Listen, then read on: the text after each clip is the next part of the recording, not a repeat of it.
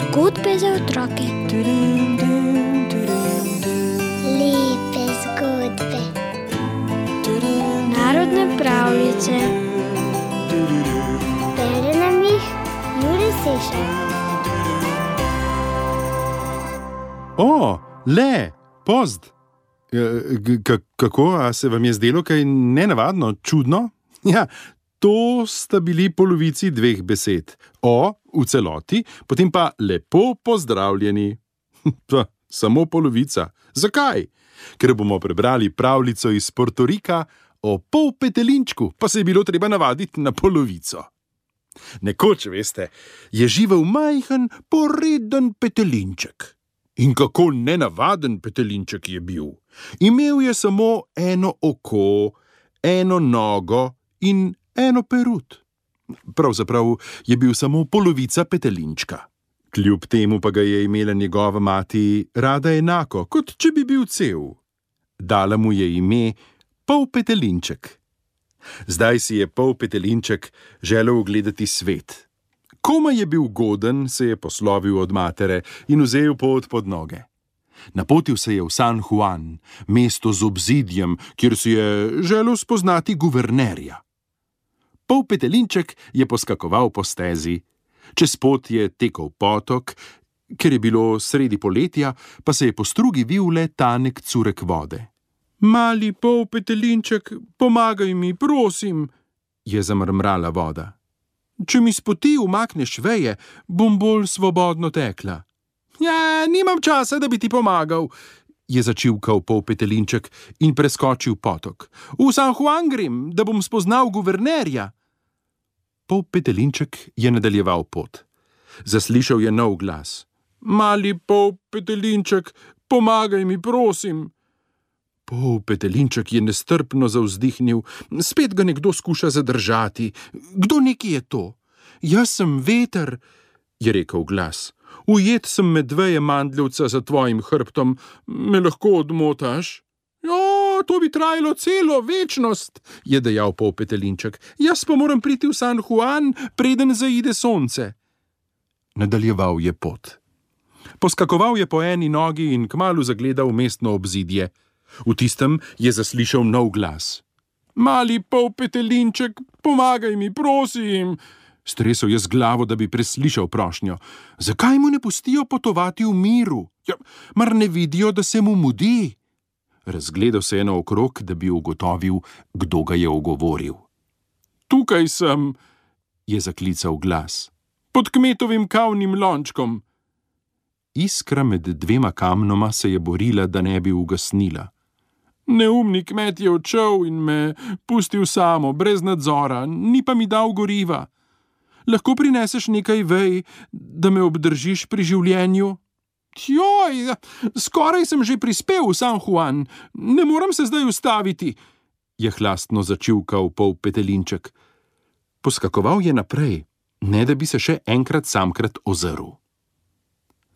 V San Juanu je pol petelinček brž poiskal guvernerjevo palačo ob morju. Skočil je skozi odprto okno in se znašel v kuhinji.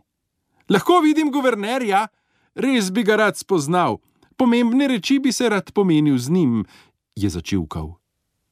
Kuhar je ravno čakal, da mu pripeljejo piščance.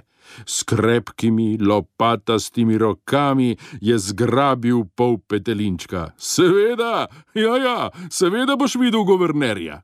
Skrožnika! Ubogi pol petelinček ni imel časa, da bi se uprl.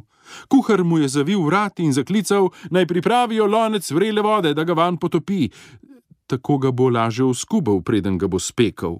Voda, voda, je rotil pol petelinček, prosim, ne popari me.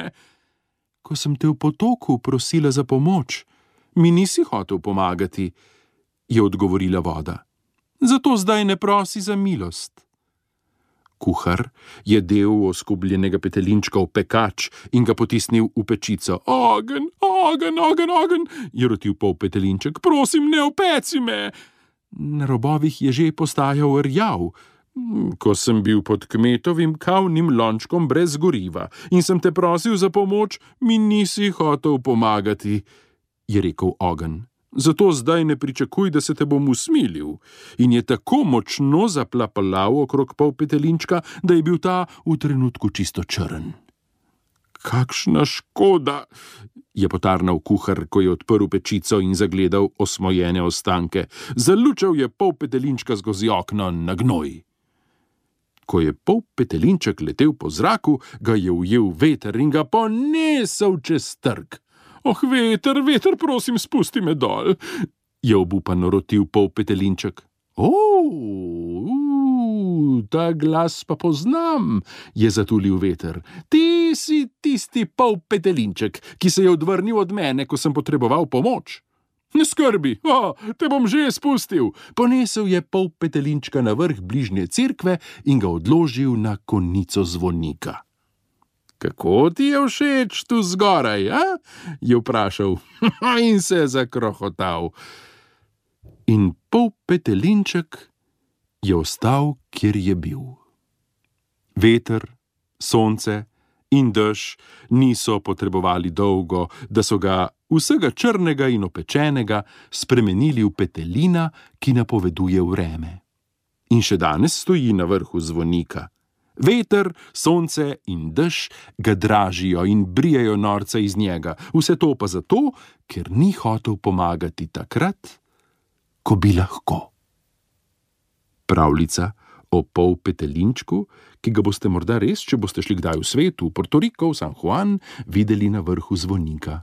Pa pravijo, da ga je videti še kje, na kakih strehah. Zdaj, v spomin na to prigodo, Menda izdelujejo take pol petelinčke, ki jih postavijo na vrh strehe, ti pa, odvisno kako pol petelinčka vrti veter, napovedujejo vreme. Podobno kot angel s svojimi perutmi na zvoniku cerkve svetega Jurija v Piranu, da nimo. Le da je njegova zgodba veliko bolj prijazna, angelska.